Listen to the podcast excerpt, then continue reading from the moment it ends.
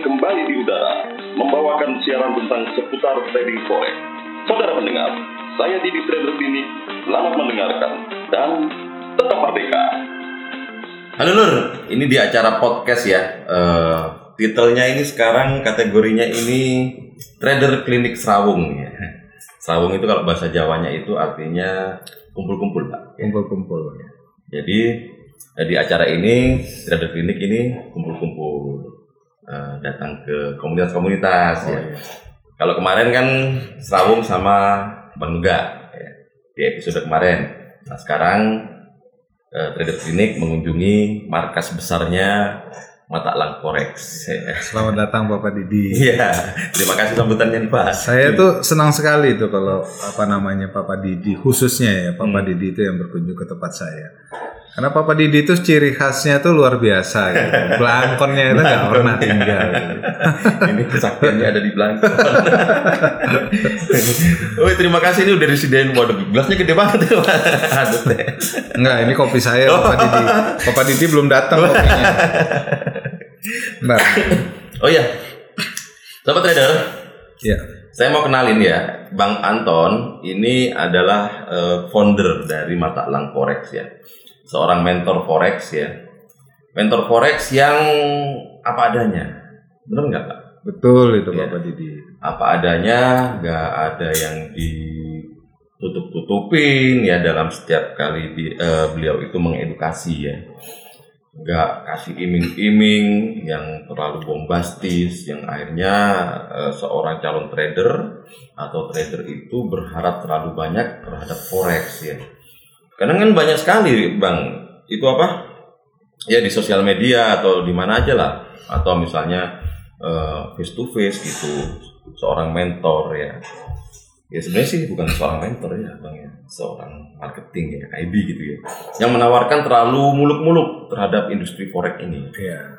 yang dalam sekejap mata itu sudah eh, bisa menghasilkan profit yang sangat besar yang pasti ya. Eh, itu kan akhirnya menimbulkan kekecewaan terhadap trader yang sudah menjalaninya dan ternyata nggak sesuai dengan ekspektasi. Betul, betul.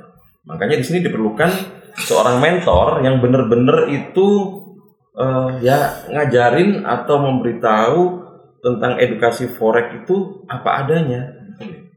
Yang ya forex ini seperti ini. Kayak gitu. Ada untung ada rugi ada potensi keuntungan ada potensi kerugian. Gitu Pak. Jadi kalau saya lihat itu di medsos ya Bapak Didi, ya eh, kita bisa mengetahui itu. Hmm. Yang mana seorang mentor, yang mana eh, seorang marketing. ya ya Jadi biasanya kalau eh, mentor ini bicaranya sih realistis kayak gitu. Hmm. Dia tidak terlalu muluk-muluk Ya. dalam eh, setiap pembahasan atau dalam setiap sesuatu yang diposting. Tapi kalau marketing itu biasanya bahasanya itu bahasa yang eh, vulgar. ya Vulgar dalam arti kata eh, memberikan harapan yang terlalu tinggi ya ya, kepada eh, bangsa pasar forex itu sendiri. Padahal eh, forex itu kan harusnya kita sikapi dengan bijak ya. Yang namanya perdagangan itu mesti ya, ada modal. Ya. Ada modal. Kemudian eh, kalau kita bawa ke perdagangan real, ya rugi itu nomor satu. ya ya Nah. benar-benar Kenapa saya katakan rugi itu nomor satu? Karena eh, alasan converting modal ini. Hmm. Jadi modal ini pertama di convert dulu modal di convert ah, menjadi kebutuhan oh, untuk- betul. alat perdagangan itu sendiri. Misalkan eh, seseorang ingin berbisnis pabrik rokok misalkan ya. Dengan modal sekian miliar. Otomatis eh, beberapa miliar sudah digelontorkan di awal ya. ya untuk pembuatan pabrik, ya. Nah, kemudian untuk peralatan-peralatan yang ada di pabrik, Hmm. kemudian sudah disisihkan juga untuk biaya maintenance yang pasti hilang setiap bulan, ya ya ya, seperti biaya air, listrik, nah kemudian eh, apa namanya perlengkapan-perlengkapan, Hmm. nah, kemudian bahan eh, apa namanya itu eh, produksi gitu produksi ya seperti itu. Nah kemudian membayar lagi eh, untuk apa namanya eh, biaya bulanan, ya, Iya. tenaga kerja, ya, yang ahli sama yang eh, buruh itu kan berbeda. Ini pasti ada, ya. Nah, Ini di awal sudah rugi duluan. Sudah rugi duluan. Nah, sudah rugi duluan. Berarti bener dong kalau kita ngomongin bisnis, rugi itu nomor satu dulu ya. Nomor satu, Papa Didi. Iya. Jadi kalau misalkan eh, eh, berbeda dengan eh, investasi, Hmm. Nah, karena di dalam trading forex juga dia bisa digunakan untuk beberapa hal. Iya. Investasi, bisa untuk eh, dagang retail, Hmm. bisa untuk hedge juga, Oh, iya. seperti itu. Nah, jadi eh, kembali lagi kita tadi, kalau mentor-mentor yang yang ada di medsos itu Iya. biasanya eh, mereka yang realistis, kayak gitu. Mereka realistis. realistis. Beda dengan bahasa marketing. Beda, beda dengan bahasa marketing. Ya sebenarnya sih kalau marketing sih wajar-wajar aja pak nawarin yang bombastis apa segala macam kan memang tujuannya untuk dia menjual pak ya Iya. kalau menurut saya sih begitu misalnya dia menjual platformnya oh platform saya ini yang terbaik eksekusinya paling cepat ya withdrawalnya paling cepat ya itu sah ya pak ya karena itu yang memang eh, eh, alat jual mereka tapi yang enggak yang enggak bagus itu menawarkan eh, sebuah harapan yang terlalu bombastis yang akhirnya Betul. bikin eh, masyarakat itu eh, jadi salah persepsi terhadap perdagangan forex itu sendiri. Betul. Ya sebetulnya kembali lagi perdagangan forex itu ya sangat realistis ya kayak gitu kan. Perdagangan forexnya sangat realistis. Sangat realistis ya. Makanya itu kalau eh, kita ya, saya sendiri khususnya itu biasanya selalu bicara mengenai drawdown. Hmm. Bisa dijelaskan drawdown itu apa pak? Nah, jadi drawdown ini begini. Jadi, eh, maksudnya adalah eh, kesanggupan, ya, Kesanggupan. si pemodal ini ya, dalam berbisnis ya, untuk eh, mengalokasikan ya, eh, tingkat eh, kerugian ya, pada saat dia eh, melakukan perdagangan. Ah. Ya. Jadi eh, dia sudah membuat perencanaan, Bapak Didi. Ya. Misalkan dengan modal satu miliar, ya, Hmm. dengan modal satu miliar, saya akan melakukan perdagangan forex. Ya. Kemudian mengambil salah satu eh, apa namanya eh, pair, ya, Ya. Eh, apa namanya komoditi kah, eh, mata uang kah, Ah. seperti itu. Nah, setelah dia menentukan itu, ya, kemudian dia buat perencanaan Hmm. dia petakan marketnya dalam jangka panjang, menengah, dan dalam jangka pendek. Nah setelah itu dia tentukan, eh, setelah dia tentukan market ini, baru dia melihat ya dalam perjalanannya ini, ini nanti kira-kira apa namanya saya ini mampu menahan kerugian berapa persen. Oke. Nah gitu. Jadi itu yang dinamakan drawdown. ya? Betul. Nanti setelah itu nanti bisa dievaluasi, Bapak Didi. Berarti kalau misalkan kita ada drawdown, kita memberikan kesempatan ya kepada kita sebagai pedagang, per- apa namanya pelaku pasar itu untuk melakukan evaluasi terhadap eh, teknik perdagangan yang kita gunakan, Ya, analisa-analisa yang kita gunakan. Nah semua itu di jurnal, ya, di jurnal dicatat ya. Eh, tekniknya apa, Iya. pakai fundamental apa pakai teknikal Iya. kalau teknikal teknikalnya apa kayak gitu kan ya semua dicatat di situ pakai time frame berapa RR-nya berapa kayak gitu kan Iya, iya. nah kemudian eh, apa namanya dengan adanya drawdown ini ya eh, saya sebagai mentor itu eh, bisa memberikan sesuatu yang realistis Iya. ya kepada orang yang saya ajarkan. Ya. Jadi apa namanya misalkan kita dalam 10 kali trade ya. Dengan perbandingan profit dan loss-nya misalkan satu banding dua. Artinya kalau misalkan saya pasang taking profit itu 20, Iya. saya pasang SL-nya 10. Oh, Nah, iya. seperti itu. Nah, ini berapa kali trade? Kalau misalkan 10 kali trade, saya eh, untungnya lima kali, ruginya lima kali, saya masih profit nggak? Nah, Hmm. dengan perbandingan seperti Iya, ini. iya, iya.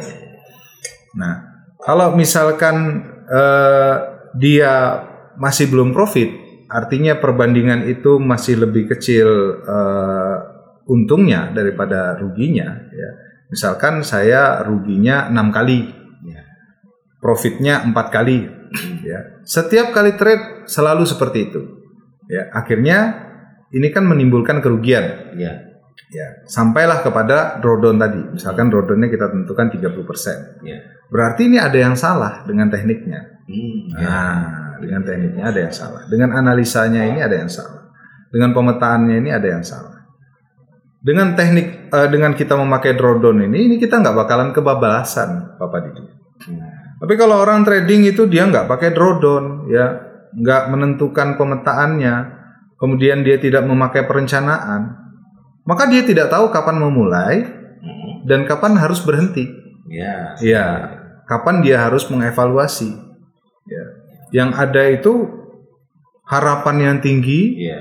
ya, kemudian eh, emosi, Ya. ya, yang menggebu-gebu, ya, Iya. seperti itu gitu. Akhirnya dia menghabiskan seluruh dana yang diperuntukkan untuk trading tadi, ya, gitu. Nah ini biasanya terjadi pada eh, trader-trader awal. ya.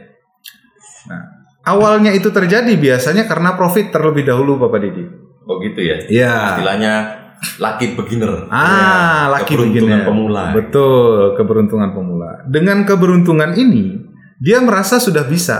Nah, itulah. Ah, dia merasa sudah pandai. Dia merasa tidak harus mendengar lagi eh, apa namanya eh, saran-saran dari seorang mentor seperti itu. Ya, padahal ini penting kayak gitu. Iya. Ini penting. Ibaratkan ini seperti pemain bola, Bapak Didi. Iya. Pemain bola itu kan ada pelatihnya. Pelatihnya ini apakah ikut di di di lapangan bola bermain sama pemain bola? Enggak dong. Enggak, Iya. jelas ya kan. Kalau pelatih main sama pe- sama pemain bolanya gimana dia bisa mengawasi Betul. Mengawasi para pemain kan kayak Betul. gitu. Jadi ingat ya, pelatih itu ya nggak main sama pemain bolanya. pelatih itu ada di pinggir lapangan supaya apa? Supaya dia menga- bisa mengawasi pergerakan pemain pemain bola. Iya, iya. Ya, kemudian dia bisa mengawasi pergerakan lawannya. Nah, itu Ah, kemudian memberikan solusi dari pinggir lapangan, arahan dari pinggir lapangan agar tercipta gol-gol yang can Cantik. cantik. Itu Bapak Didi. Nah, mentor itu kita ibaratkan adalah sebagai pelatih yang ada di pinggir lapangan. Setelah bermain, ya pemainnya dikumpulkan. Iya. Kemudian di coaching lagi, dievaluasi lagi, ya, diberikan petunjuk-petunjuk lagi, baru pemainnya masuk lagi ke lapangan. Nah, itu fungsi Jordan tadi. Misalkan, misalkan dia sudah eh, kemasukan gol 2 Iya. baru masukin gol satu. Iya. Berarti dia masih posisi kalah nih. Ya, waktunya kan belum habis ini Bapak Didi. Keluar, coaching lagi. Nah, ini evaluasi. Ya, dalam trading itu evaluasi. Dia sudah kena drawdownnya. Ya, Jadi kena harus drawdown. ditarik dari lapangan. ya. Tarik dari lapangan. Coaching. Coaching gitu ya. iya, Nah, baru nanti setelah oke, baru masuk lapangan lagi, lanjut bermain lagi. Iya. Gitu Bapak Didi. Jadi itu fungsinya mentor. Iya. Dan kalau misalkan misalkan ya dalam beberapa pertandingan ini si pemain bola tetap kalah, yang diganti apanya Bapak Didi? Yang diganti kalau kalau pelatihnya apa? Kalau pemainnya tetap ada tetap kalah terus. Iya, Meskipun berapa kali pertandingan Iya. udah di coaching segala macam. betul. Nah, yang diganti itu apanya? Pelatihnya. Ya pelatihnya Iya. Bapak Didi kayak gitu loh. Iya. Ya, karena pelatih berarti pelatihnya enggak becus. Pelatihnya nggak becus. Karena iya. apa? Karena kan yang memilih pemain ini kan pelatihnya. Iya, iya. Ya, dia sudah milih pemainnya, ya kan? Kemudian dia yang melatih. Masa pemainnya mau diganti sudah dia milih sendiri, ya kan? Yang diganti adalah pelatihnya. Pelatihnya. Oleh siapa? Oleh manajernya. Hmm. Ya kan? Maka itu, ya maka itu. Cuman gini, Papa Didi, kita harus belajar itu kepada mentor itu satu-satu. Ya, Iya. sampai tamat dulu. Mm-mm. Jangan cepat mengejudge apa itu? Mengejudge. Mengejudge itu menilai. Menilai ya, menilai seorang mentor ya. Belum-belum sudah menilai. Uh, bagus. eh signalnya ngejek, ngeledek mentornya. gitu. Oh. Oh, ya toh. Padahal ini masih floating, mentornya diledek. Uh, bagus signalnya. Semoga profit. Ini kan ngeledek mentor, iya kan? Padahal dalam perjalanannya kan sudah ada TP, sudah ada SL. Belum kena TP-nya, belum kena SL-nya, mentornya sudah diledek. Kayak gitu. Oh, ini nggak bagus. Kenapa? Kenapa begitu? Kenapa nggak bagus? Karena kalau seorang murid ini mestinya ya dia punya rasa hormat. Iya. Ya, ya murid apa pun ya harus punya rasa hormat kepada Pada mentornya. kepada mentornya. Ya, kalau dia tidak ada rasa hormat, bagaimana ilmu itu bisa berkah? Ya. Ya, iya. Nah kan mentor ini kan hanya menyarankan, ya. Tetapi saran-sarannya ini yang bisa nanti dinilai. Kapan bisa menilainya? Setelah tercapai drawdown, baru bisa dinilai ini benar nggak mentornya, bagus ya mentornya. Tapi kalau dia selalu profit, nah ini berarti mentornya bagus, ya kan?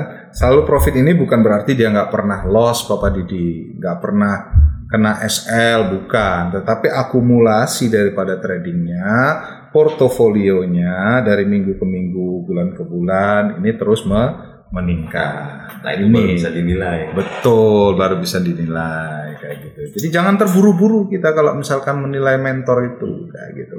Ilmunya belum dapat ya. Ya kita memang juga belum eh, belum bisa, tapi kita sudah menilai orang. Nah, Ini nggak baik. Nggak baik. Tapi kalau misalkan sudah tercapai kesepakatannya, drawdownnya sudah tercapai, oh iya memang saya harus ganti mentor. Nah gitu Bapak Didi. Berarti memang fungsi seorang mentor itu sangat penting, Pak, dalam Sangat penting. dalam khususnya di trading forex ini. Betul.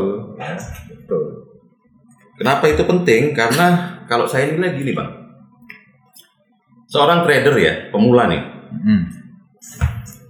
Seorang trader pemula dia memutuskan untuk trading itu kan karena ada masukan, pasti kan. Ya. Ada info, ada input ya ada input dari mana-mana. Dari sosial media, buka Facebook, ada Hmm. input atau dia cari sendiri di Google bagaimana cara trading forex yang benar. Banyak sekali itu Banyak kan sekali, keluar ya. semua.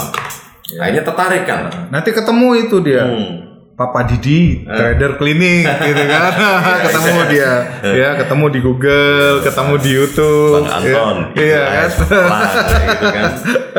ah Papa Didi bisa aja Akhirnya tertarik kan. Seperti, seperti saya ini misalnya nih, Bang. Saya nggak ngerti apa-apa ini trading.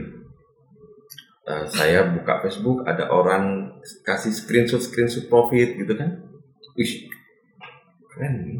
Iya Kayaknya bisa ini potensi untuk saya cari uang di situ. Mm-mm. Cari tahu lagi lebih banyak. Banyak sekali informasi masuk. Mm-mm. Tapi informasi yang masuk itu kan kalau saya sebagai orang awam bang, artinya kan nggak terfilter bang.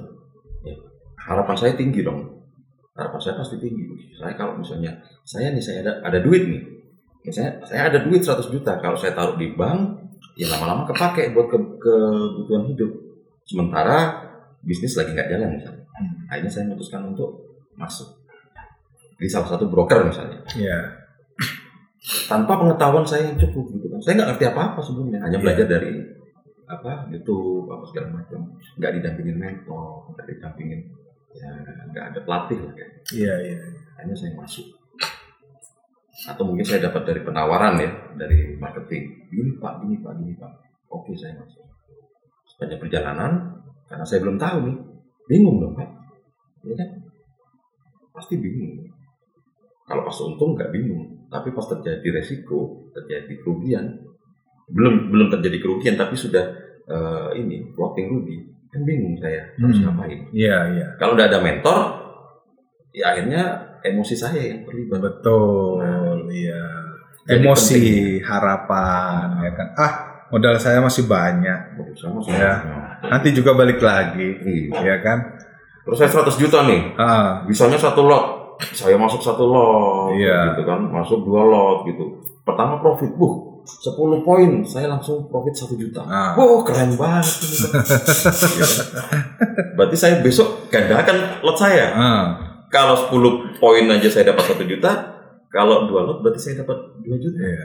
Lupa manajemen resikonya. Nggak tahu saya, saya masih baru. Iya, nggak ya. tahu manajemen Iya. risiko, nggak tahu manajemen modal, drawdown, risiko reward ratio nggak tahu. Iya. Saya hanya belajar belajar dari Google. Nah, misalnya seperti itu, itu kan eh, memang yang fase yang dialami oleh seorang trader pemula seperti itu Hmm. tanpa bimbingan seorang mentor. Iya. Akhirnya yang terjadi apa? Dari ya misalnya dari 100 trader pemula yang seperti saya seperti itu tanpa bimbingan mentor, mungkin ya 100% gagal. Jadi yang harus disadari Bapak Didi dari eh, trader-trader pemula ya. Jangan nih, ini clue-nya dari saya itu jangan mengambil jalan pintas. Hmm. Ya. Kalau tidak punya, ya. Oke lanjut. oke, jangan mengambil jalan pintas. Kalau tidak punya Google Map. Oke. Ya. Jadi kalau misalkan punya Google Map ya nggak apa-apa. Artinya kan ada petunjuk jalannya. Oh ini jalannya sekian. Hmm. eh, menit gitu kan sekian kilometer bisa pada jalan sini lebih baik jalan sini tapi kalau nggak ada Google Mapnya jangan jadi begini Bapak Didi mentor itu ya ada beberapa Ya. Ini disadari apa pun ataupun tidak disadari nih ya oleh orang yang eh, ikut mentoring ya. Jadi ada mentor itu yang hanya memberikan signal Hmm. tetapi tidak memberikan alasan Oke, banyak tuh. banyak ya. Tapi saya maklumi itu Bapak Didi ya. Artinya mungkin ada juga eh, artinya kenapa dia hanya memberi signal mungkin dia tidak ikut di broker mentornya. Ya kan? Tidak ikut. Ya kalau mentornya mau gratisan ya nggak mungkin lah Bapak Didi. Orang kita sekolah SD, SMA bayar, kuliah bayar ya. Iya. Masa ini sekolah untuk nyari duit yang langsung menghasilkan pundi-pundi itu kita nggak mau bayar. Mau Ya. gratisan. Maunya gratisan. Gratis minta selamat. Ya, Nah, gratis minta selamat lagi, ya toh? Udah gratis minta selamat. Ya kalau nggak selamat dipisu-pisui. Itu salah dewe. ya. Kenapa? Rumusnya gak ngono. Iya, rumusnya nggak kayak gitu, kayak gitu loh.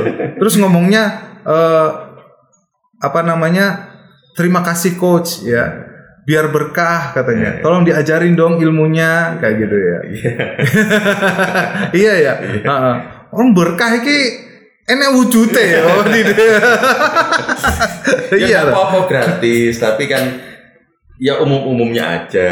Iya. dikasih tahu. Tapi kalau yang kepingin lebih intens, eh, didampingi secara private gitu kan, dibicarakan drawdown apa segala macam perencanaan, Mm-mm. ya itu ya enggak ya enggak gratis. Ya enggak gratis kayak gitu loh. Karena karena seorang mentor itu kan juga dia harus mengeluarkan waktu, mengeluarkan pikirannya juga gitu. Betul Bapak Didi. Nah ini yang banyak eh, teman-teman trader newbie itu lupa kayak gitu. Dia menganggap eh, kebanyakan dari mereka menganggap hanya waktu mereka yang berharga. Ah, iya. sih. Ya, ya. hanya eh, portofolio mereka yang berharga kayak gitu. ya. Padahal waktu seorang mentor ini juga sangat berharga. Ya, itu. Ya kalau misalkan kita berguru ya, ini kita baik sama gurunya kayak gitu. Ya, kemudian taat gurunya. Ini gurunya juga akan senang. Nah, itu baru ada keberkahan di situ. Ya. Dan gurune ae dijaluki ilmune, bar kuwi gurune dipisu-pisui, bar kuwi gurune dikurang ajari, iya gimana mau bisa berkah kayak gitu kan. Pas gurunya profit itu hore katanya kan tepuk tangan. Pas gurunya nggak profit kayak gitu kan. Ah, dipisu-pisui ya gitu.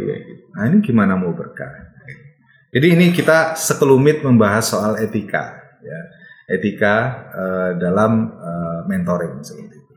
Tapi kalau misalkan dia sudah memberikan sebuah pengorbanan ya. Ini jadi tak kenal maka tak sayang, tak sayang maka tak cinta. Jadi kalau misalkan dia sudah mengorbankan sesuatu, jadi asas cinta ini, ya, asas keberhasilan ini adalah cinta. Wah ini Ini dalam banget, dalam banget, filosofis banget. filosofis banget ya. Bagaimana eh, kita ini ya saya, saya eh, berikan ilustrasinya ini Bapak Didi kepada orang yang kita cintai. lah. Ya. kita cintai. Kayaknya pakar banget masalah cinta ini mentor. Weh, bukan hanya pakar trending ini Bapak Didi. Pakar cinta juga. Karena kita hubungkan ke mana-mana ya, ya filosofinya ya kan. Kalau misalnya kita itu mencintai dan dicintai oleh seseorang, tentu di dalam proses itu ada pengorbanan. Semakin kita memberikan sesuatu, semakin tinggi rasa cinta. Dengan harapan apa? Dengan harapan cinta itu ber berbalas. Eh, oke. iya, kalau cinta itu tulus itu berkah pasti Iya. Bapak Didi ya. Dan berbalas ya. Iya. Pasti berbalas. Berbalas kayak. Gitu. Jadi kalau misalkan eh, kita bisa lihat mentor ini ya, ada mentor yang bagus, ada mentor yang bejat kayak gitu. Nah, Ini kalau muridnya sudah sudah sudah pengorbanan baik apa ya si mentor ini nggak memberikan yang terbaik ya. Nah, itu boleh itu. Kalau menurut saya dihina-hina itu boleh. Ya. Tapi kalau dia nggak memberikan pengorbanan, dia hanya mengambil manfaat saja dari mentor lah kok menghina-hina itu gimana? iya, iya. Kan nggak pantas ya toh. nggak pantas. Tapi kalau dia sudah pengorbanan, sudah apa segala macam, nah si mentor juga pasti akan tahu diri ya gitu. Dia akan juga memberikan pelayanan yang terbaik ya gitu kan, memberikan analisa yang terbaik, kemudian membimbing, mengorbankan waktunya ya toh kepada si murid ini ya gitu. Nah, ini artinya ada simbiosis mutualisme ya simbiosis mutualisme. Nah ini yang harus penting dijaga dalam setiap berbisnis. Simbiosis mutualisme. Karena ini akan antara eh, mentor dengan eh, apa namanya itu muridnya ini ini kan sebuah rekanan sebetulnya ya, rekanan gitu. Nah inilah yang harus disadari. Dan si newbie ini juga tidak boleh berpikir muluk-muluk ya. Gara-gara melihat tadi yang Bapak Didi sampaikan itu banyak marketing yang posting profit profit profit. Jadi pikiran ini seolah-olah mencerna kalau seorang mentor ini nggak boleh ada loss Iya. harus profit semua kayak gitu Jadi ada ada anggapan bahwa eh, kita misalnya seorang trader pemula itu cari mentor eh, dengan pikiran kita itu mentor itu adalah seorang dewa. Hmm. Ya seorang dewa itu nggak boleh salah. Itu oh gitu ya Bapak Didi Iya, itu pikiran sebagai seorang trader pemula mula yang nggak ngerti apa apa ya. Hmm. Ya karena masukan-masukan profit-profit segala macam itu, Iya. otomatis di alam bawah sadarnya kita ini sebagai trader pemula, saya harus cari orang yang kalau misalnya saya mau cari orang, saya akan cari orang yang super, oh cari orang yang super, yang nggak pernah salah kayak gitu kan. Oh, Iya, seperti itu. iya. Tapi kira-kira dia mau nggak bayar orang itu gede, Bapak Didi? Karena dia nyari orang yang nggak pernah salah kayak gitu kan? Gitu. Iya. Ada nggak kira-kira orang seperti itu? Kalau kalau trader-trader pemula yang mengharapkan seperti itu banyak banget. Ya. Nggak, maksud saya mentornya. Ada nggak mentor kira-kira yang su- 100% ya win rate? Wah, dalam 100 kali trading itu nggak pernah keliru. Wah, gitu. Itu nggak ada kalau kayak gitu. Hmm. nggak ada. Kalau saya pribadi sih kalau dari pengalaman nggak ada. Karena apa ya kita ini mentor itu juga manusia kan ya manusia yang ini nggak luput dari salah. Nggak luput dari sana. pasti ada salahnya. Tapi karena kita ini sudah termindset bahwa untung untung untung untung untung untung holy grail lah istilahnya ya. Jadi kita cari mentor yang wes 100% harus benar nih bang akhirnya apa yang dicari bukan ilmunya bang setiap kali kita ketemu seseorang mentor yang kita tanyakan bang ada sinyal nggak bang Nah, itu. iya, iya. bukannya tanya bang gimana saya caranya eh, bisa belajar forex yang benar Iya. yang sekiranya kalau saya terjadi resiko terjadi eh, kekalahan itu saya masih bisa recovery dengan bagus Para newbie ini nggak nyadarin, Bapak Didi. Nggak nyadarin. Ini loh yang harus disadarin ya. Eh, teknikal, ilmu itu hanya mewakili 30% ya dari eh, apa namanya keseluruhan untuk kita trading. Iya. Ya. Jadi kalaupun misalkan ilmunya itu 100% sudah pintar sekali ya ilmu teknikalnya ya. Ya. Ini hanya mewakili 30%. Yang 70%-nya ini ya terbagi lagi. Nah, itu ada unsur psikologis ya ya psikologis, itu termasuk mental, ya mental. Kemudian eh, kesehatan, Oh, kesehatan juga masuk ya? kesehatan Bapak Didi, ya. Kemudian lingkungan yang mendukung, ya lingkungannya. Bayangkan kalau misalkan dia ini trading itu sembunyi-sembunyi Bapak Didi. Gak baik ya itu nggak ya? baik, nggak tahu istrinya, nggak tahu anaknya, kemudian sembunyi-sembunyi. Ya. Ataupun misalkan dia trading di rumah yang anaknya ribut, istrinya ribut, Oh iya. ya. Dikit-dikit, bang, cucian bang. Ah, gitu kan? kita lagi Ah. kita lagi nganalisa nih, bang, Iya. cucian angkat bang. Iya, Aduh, kayak gitu kan. gimana? Ini ini faktor-faktor itu Bapak. ya. Nah, kita ini kan bisa trading di 24 jam ya. Ya, kita bisa harus bisa mengatur waktunya. Nah, kapan waktu kita ini yang benar-benar bisa kita fokuskan untuk trading. Nah, yang paling santai, paling rileks kayak gitu kan. Kan pasarnya ada tiga itu pasar Asia, Eropa, sama Amerika. Jadi inilah keuntungannya trading. Selain kita bekerja sehari-hari, kita bisa mendapatkan eh, penghasilan dari main job kita, ya bisnis utama kita. Kita juga bisa mendapatkan tambahan dari trading. Makanya dikatakan ini bisnis spa, ya sistem perdagangan alternatif. Ya, Untung ya. dijelaskan. Iya. Kalau nggak dijelaskan nanti spa itu bisa-bisa larinya ke itu pak. Iya. Iya. Sauna. Nah itu juga penting buat eh, seorang trader. Pak. oh iya, oh iya. Trader atau mentor pak ini? Eh, dua-duanya. dua-duanya. ya. Jadi eh, relaksasi, ya, kemudian ibadah. ya. Oh, iya. Jadi ibadah ini penting bagi seorang eh, pedagang mau real dia mau ke yang seperti sekarang forex kayak gitu. Penting. Kenapa unsur pendekatan diri kepada yang maha esa. ya. Jadi seolah-olah kita tuh nanti akan bukan seolah-olah ya. Jadi kenyataannya kita pasti akan dibimbing dalam menentukan sebuah keyakinan. Ya. Bagus sudah ini, tapi nggak yakin. Wah ini berapa kayak gitu kan. Jadi sholat ya kalau ada orang Muslim itu ya sholat itu penting, ngaji penting ya. Ini sedikit untuk olah psikologinya ini Oh, iya, ya, iya, ya. Oh di dia. Zikir penting ya. Tapi dulu saya Papa ini lu cerita lucu ini. Pertama-tama tahun 2006 waktu saya pertama kali trading itu.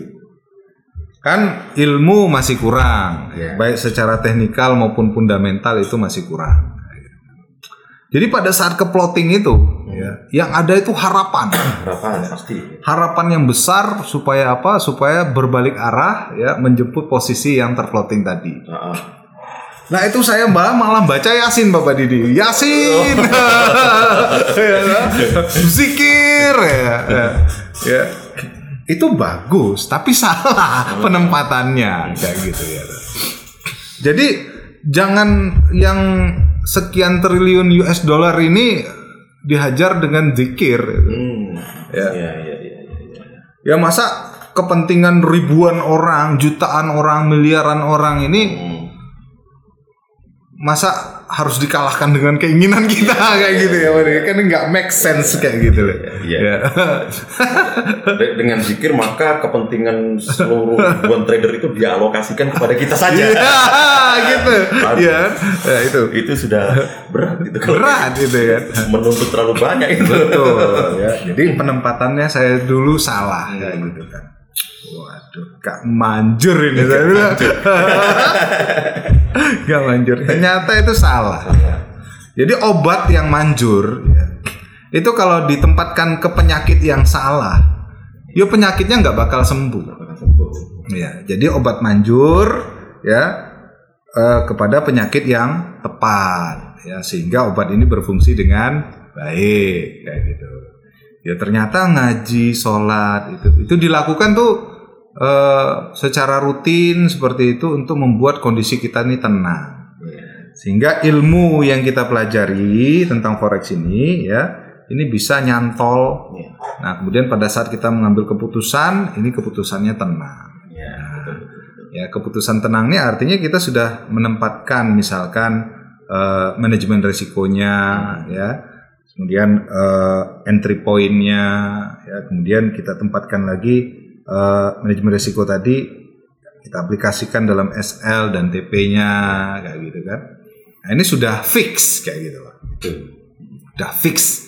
Jadi TP-nya nggak digeser-geser lagi, gitu kan? Nah, itu kan kemerungsung namanya Bapak Didi ya, nggak tenang ya. Tapi orang sudah menetapkan plan, TP di situ ya di situ, ya SL di situ ya di situ, Iya. ya. Sehingga apa nanti bisa dievaluasi. Betul. Nah ini tadi fungsi psikologis tadi ini, ini penting. Ya. Ya. Kita harus komunikasi sama orang rumah. Ini jam segini papa trading jangan diganggu. Iya. Nah, gitu. ya Iya, kan? komunikasi penting. Betul. Pada saat hari libur, ajak keluarga jalan-jalan ke mana. Jadi pada saat kita trading dia nggak protes. Tapi kalau setiap hari kita pakai waktu kita dari pagi sampai malam, pagi lagi ke jam 3 ngurusin trading terus, ya akhirnya keluarga berantakan. Ya, keluarga Pasti. berantakan. Istri tidak terurus, anak tidak terurus, ya, pekerjaan tidak terurus. Ya kalau profit. Ya kalau profit, Kalau loss kan kalau loss, udah jatuh tertimpa tangga. Iya, udah Keluarga jatuh, ketimpa tangga, ketimpa catnya lagi, kali catnya lagi. Iya kan? Aduh, nggak sehat itu pak. nggak sehat ya. Jadi kita makanya seorang mentor ini bukan hanya sekedar faktor eh, teknikal, fundamental, eh, analisa, bukan hanya sekedar itu Bapak Didi, tapi, juga mencakup, ya mencakup semua. mencakup semuanya ya mencakup semuanya ya nanti eh, si seorang mentor ini ya apa namanya itu mengingatkan kayak gitu ya Jadi tempat curhat. bisa juga. jadi tempat curhat juga gitu jadi fungsinya ini banyak sekali kayak gitu ya banyak sekali karena mentor juga memberikan meluangkan waktunya. Mungkin nanti si telepon malam-malam kayak gitu kan. Ya kalau misalkan eh, yang apa namanya usernya mentor ini telepon ya pastilah diangkat kan sama mentornya ya kan.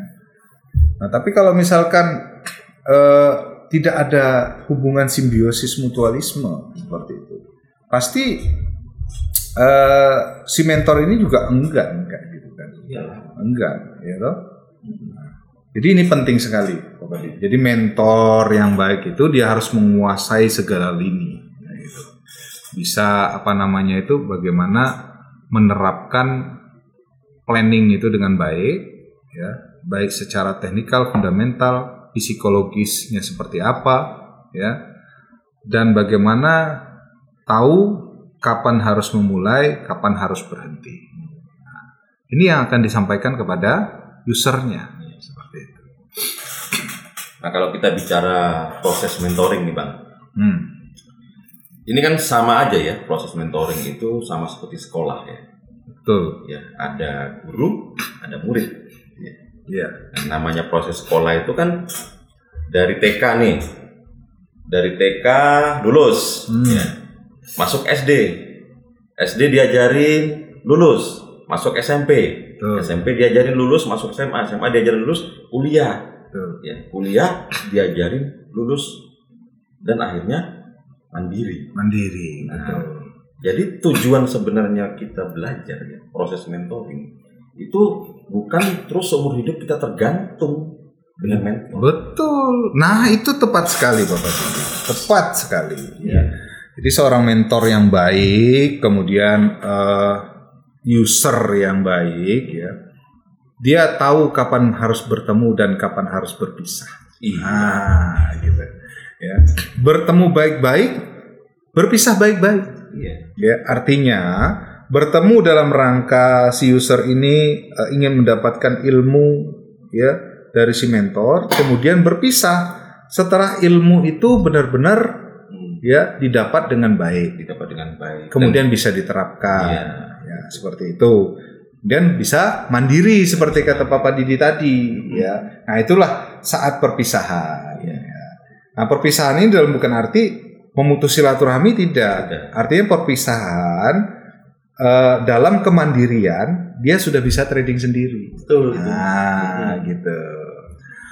Jadi kalau misalnya kita nggak berpikir seperti itu, bang ya, nggak berpikir seperti proses sekolah itu, akhirnya kita nanti tergantung terus sama mentor. Betul. Kalau mentornya nggak ada, kita nggak ngapa-ngapain, nggak bisa ngapa-ngapain. Iya, Itu juga nggak sehat. nggak sehat. Karena memang bisnis, apalagi ini bisnis bang ya. Iya, So, bisnis itu memang harus dijalani sendiri betul, pada saatnya nanti. betul. Jadi ya memang harus melalui proses seperti itu kan bang. Iya, Mentor itu mengawal proses edukasinya betul. sampai si user atau si murid ini sudah mendapatkan ilmunya dan siap untuk mengaplikasikan ilmunya. Kayak Betul gitu ya, Bang. sekali Bapak Didi. Jadi saya sebagai seorang mentor ya, Ya. ini eh, berjuang sedapat mungkin bagaimana bisa mentransfer ya, seluruh keilmuan saya ini ya, kepada User. user Ya, ya, gitu pada user. Nah ini yang yang benar-benar usernya ini harus bisa belajar dengan baik. Betul. Ya. Ya. Kalau sudah bisa seperti ini, Bapak Didi, ya, maka kalaupun dia tidak suka dengan cara yang scalping, ya, mengambil profit itu sangat mudah sekali. Ya. Mengambil profit dari market itu sangat mudah sekali. Karena apa?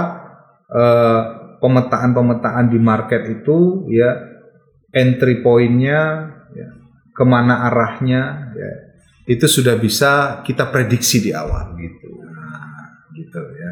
Jadi ini bukan janji-janji ya, bukan janji-janji, tapi ini berdasarkan realita ya, berdasarkan realita. Kita sudah punya juga drawdown-nya supaya apa? Supaya membatasi kerugian. Betul, Ya, betul. Itu juga kerugian. yang penting itu. Jadi harus dibicarakan di awal ya mengenai drawdown ya. Betul. Maunya gimana nih user nih? Iya. Oh saya mau drawdownnya misalnya 40%. Oke, kita tetapkan drawdown 40%. Betul. Ya. Jadi semua itu harus dibicarakan di awal ya. Harus harus Betul. harus dibicarakan. Jadi pentingnya punya mentor itu diskusi dulu. Diskusi. Maunya apa nih? Betul. Terhadap bisnis yang mau kita jalani. Iya. Gitu kan ya. Betul. Planningnya seperti apa, ininya seperti apa, drawdownnya seperti apa, targetnya seperti apa, dibicarakan. Dibicarakan. Ya, dibicarakan. Kalau sudah dibicarakan, menemukan kesepakatan, itu dijalankan. Betul. Dan mentor mengawasi dengan ketat di situ. Betul. Ya, Jadi kalau saya sendiri sebagai mentor, Ya. itu planning itu sudah tercatat, Pak Badi. Oh sudah tercatat. Sudah tercatat. Oh, jadi dalam sudah dalam bentuk eh, apa namanya? Seperti sebuah proposal. Oh, gitu. Iya. Jadi planning kita nih seperti ini. Nah, soalnya begini, kalau nggak saya buat begitu, ya Hmm. hanya dalam cerita-cerita saja. Iya. Ya. Ini si user ini bisa lupa, Nah itu. ya. Nanti saya tidak mau gontok-gontokan Bapak Didi. Iya. Oh ini kemarin ngomongnya kayak gini, ini sekarang kayak gini, Nah, buktinya mana? Kayak gitu ya kan? Berarti harus dicatat. Harus dicatat, ya. harus di, diarsipkan. Jadi punya kesepakatan, Hmm. ya. Ini kesepakatannya ini bukan kesepakatan, oh untung, bukan, gitu. Tapi kesepakatan planning. Iya iya iya. Ya, kesepakatan planningnya seperti ini. Si user harus menjalankan planningnya seperti ini. Ya. Si mentor harus mengarahkan user dengan planning yang seperti ini. Ya, gitu lah.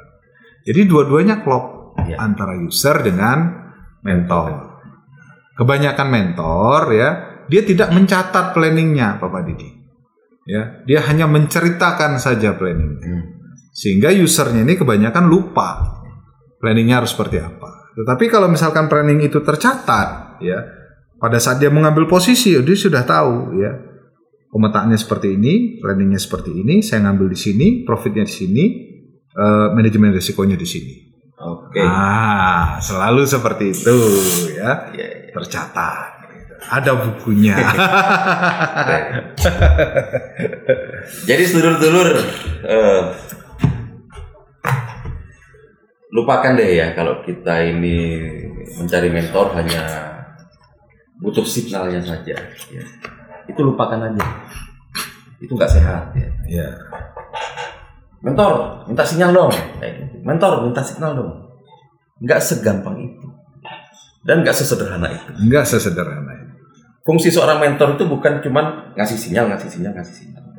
Kita harus komunikasi. Komunikasi. diskusi saya ini ini saya punya uang nih segini ayo bagaimana supaya uang saya ini bisa eh, bertambah di trading forex Tuh. nah bicarakan dong planningnya ya, ya kan Iya. Eh, seperti apa planning saya terus bagaimana resiko saya gitu semua harus dibicarakan Iya. Coba saya kasih perbandingan nih Bapak Didi.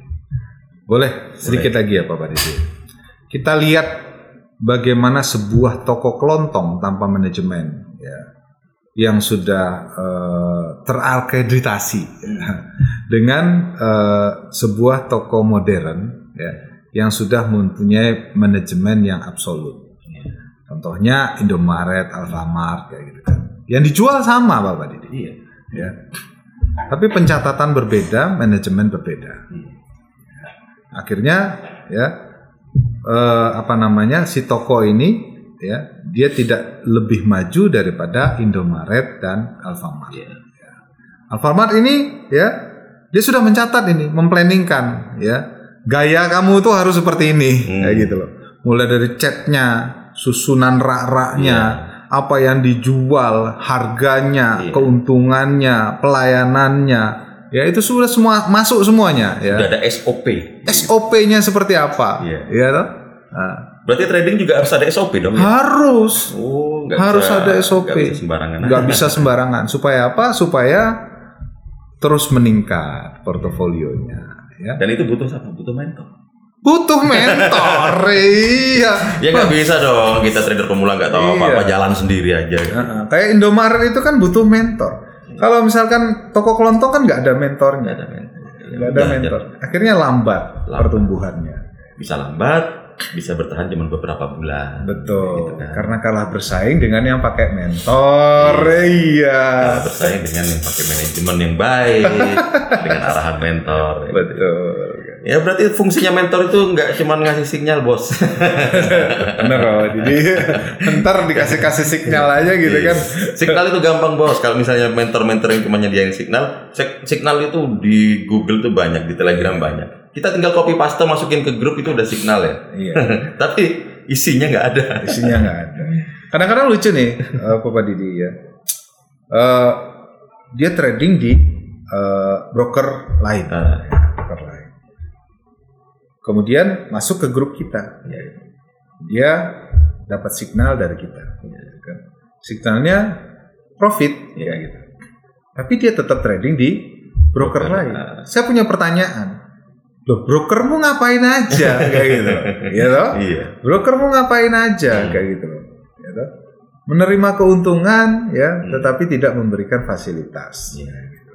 Nah, harusnya kan tahu diri. Tahu diri. Kalau sudah misalkan merasakan eh, apa namanya manfaat dari grup, dari eh, edukasi, harusnya brokernya dipindahin. Kan nggak sulit itu ya Papa Didi Nggak ya. sulit. Nggak sulit ya kan tinggal WD Hmm. kemudian depo lagi. Depo lagi. Nah, apalagi WD apa namanya depo di apa namanya di broker rekomendasi saya ini cepat sekali Bapak Didi Untuk withdrawalnya. untuk withdrawalnya. Deponya juga cepat. Deponya juga bagus, cepat kayak gitu. Jadi pelayanannya bagus sekali. Iya, iya. Harusnya tuh seperti itu kayak gitu. Karena kalau misalkan eh, broker ini ya walaupun dia status perusahaan eh, sebagai broker ini hanya sebagai perantara ya. Ya kan statusnya perantara, tapi jualannya cara jualan harusnya mereka memiliki mentor-mentor seperti itu. Supaya apa? Supaya jualannya ini bertanggung jawab Bapak Didi. Ya kan? Bertanggung jawab. Gitu. Bukan hanya eh, bersembunyi di balik wah saya kan cuma perusahaan perantara bukan tapi bagaimana ya orang-orang yang ada di dalamnya ini terdidik ya, Terdidik. sebagai mentor Dan sebagai bisa mengarahkan si user ini eh, trading yang benar. betul betul seperti itu ya Trading yang benar gimana? Ya nggak cuma signal-signal.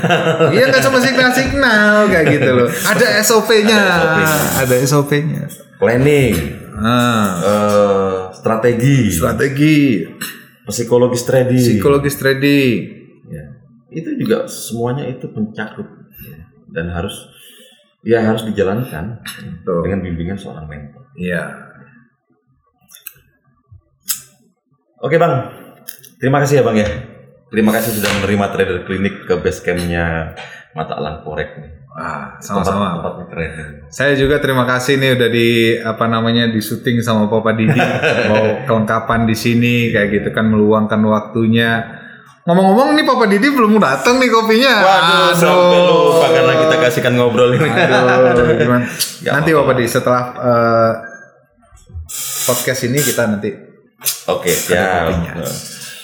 Ya, memang tujuan trader klinik ya datang soan atau serawung ya ke ke komunitas-komunitas ya supaya kita bisa memberikan informasi kepada teman-teman bagaimana sih untuk trading yang baik gitu kan. Ya, menghindari menghindarkan uh, trader-trader itu dari jalan yang sesat Iya, Gitu ya. dari jebakan Batman. dari jebakan Batman. Iya. Makanya kan namanya trader klinik. Mas. Betul. Eh, saya suka sekali itu. Lambangnya juga bagus itu Bapak Jadi trader klinik itu untuk menyelam- menyelamatkan. Iya. Kayaknya Bapak Didi anak buahnya Bu Mega ya. Oh, iya. Iya. Ini bulis. oh, bulis. Bulis. Iya, iya, iya. Itu kayaknya beres dulu. Hmm, iya. Kemudian bulis. gitu. Keren Bapak Didi. Ya, terima kasih, terima kasih Bang Dung. Eh, terima kasih Bang Anton. Terima kasih Bang Anton ya. Oke, oke, siap, siap. Eh, sudah Sama-sama. menerima trader klinik dan semoga podcast atau video ini bermanfaat ya buat para trader-trader, terutama trader pemula ini. Iya. Eh, nah ini juga datang eh, mentor juga ini Iya, dari Eagle Eyes juga dari Mata. Elang Forex juga ya. Dan banyak sekali mentor-mentor yang tergabung di Mata Elang Forex ya. Jadi jangan ragu ya kalau teman-teman mau belajar trading yang baik dan benar, mau memulai sebuah bisnis trading forex yang benar dengan planning, dengan strategi trading, dengan psikologis trading yang tertata dalam satu paket ya Satu paket. silakan hubungi Bang Anton dari Mata Elang Forex. Siap, siap. Insya Allah ya, kita itu nggak boleh memastikan. Ya. Ketika teman-teman, rekan-rekan trader bergabung dengan Mata Alang Forex ya, yang di mana eh, Mata Alang Forex, Trader Klinik dan banyak lagi ini bergabung eh, di dalam apa Ya, komunitas Komunitas Sindoro ya, Sindoro. Sindoro Komunitas. komunitas ya. Jadi Sindoro ini sedikit saya Boleh, boleh. ulas ya Bapak Didi ya. Eh, bagaimana mewujudkan ya, mentor-mentor yang berkualitas ya. Mentor-mentor yang bertanggung jawab kayak gitu kan. Mentor-mentor yang bisa benar-benar eh, apa namanya tuh mendedikasikan dirinya ya di bidang ini tentunya ya untuk eh, rekan-rekan trader ya supaya bisa mendapatkan hasil yang optimal, Ya. yang maksimal ya eh, di dalam perkembangan portofolionya ini ya, selalu meningkat ya dari bulan ke bulan sehingga betul-betul bisa eh, menjadikan bisnis forex ini ya, sebagai eh, penghasilan, Penghasilan. Ya penghasilan ya. Jadi bukan hanya mimpi, Bukan hanya mimpi. bukan hanya mimpi. Trading for living itu bukan sekedar isapan jempol. bukan sekedar isapan jempol. Ya. Tapi yang nggak jangan salah juga ya. Tetap dibutuhkan. Ya ini ya eh, misi kita ya, misi kita sebagai mentor, trader klinik, mata elang forex yang tergabung dalam Sindoro komunitas ini ingin menciptakan sebuah ekosistem, Ya betul, ekosistem yang sehat. Ekosistem yang sehat. ekosistem trading forex yang sehat. Nah, ekosistem yang sehat ini eh, terjadi karena satu tradernya punya mental yang baik, psikologis trading yang baik, punya mentor yang bisa eh, mengedukasi, membimbing dengan benar, Betul. dan satu lagi brokernya juga harus yang sehat. Benar itu Bapak Didi. Iya. Nah, di situ juga memegang peranan eh, peranan yang sangat-sangat penting ya. Broker, pilihan broker ini. Jadi ekosistem yang sehat itu tercipta dari tiga unsur ini. Betul, Pak. tradernya sendiri atau usernya sendiri yang punya uang untuk dikelola, untuk Iya. mengelola, mentornya juga yang sehat juga ya, yang nggak ada tendensi negatif gitu kan, Betul. dan juga broker yang sehat. Dua bagus, satu jelek, nggak ada gunanya. Ekosistem jelek. Benar, Ya. benar. Nah, mengenai broker Bapak Didi, ya, saya sudah mencermati ya broker-broker yang ada di Indonesia yang ada di dalam regulasinya Bapepti ya. Memang rata-rata semua menjalankan fungsinya dengan baik Ya. ya. Tetapi ada satu broker Bapak Didi. Ya. Satu broker ini Hmm. Memang luar biasa ya. Hmm. Jadi selain menjalankan perannya, fungsinya sebagai perantara Iya. supaya kita bisa trading di bursa Iya. ya. Dia juga mendedikasikan dirinya ini dalam edukasi. Oh gitu. Iya, dalam edukasi. Hmm. Nah, kemudian eh, sistemnya juga sudah DMA Hmm. seperti itu. Eh, proses WD-nya cepat ya. kemudian eh, apa namanya eh, proses deponya juga cepat, ya.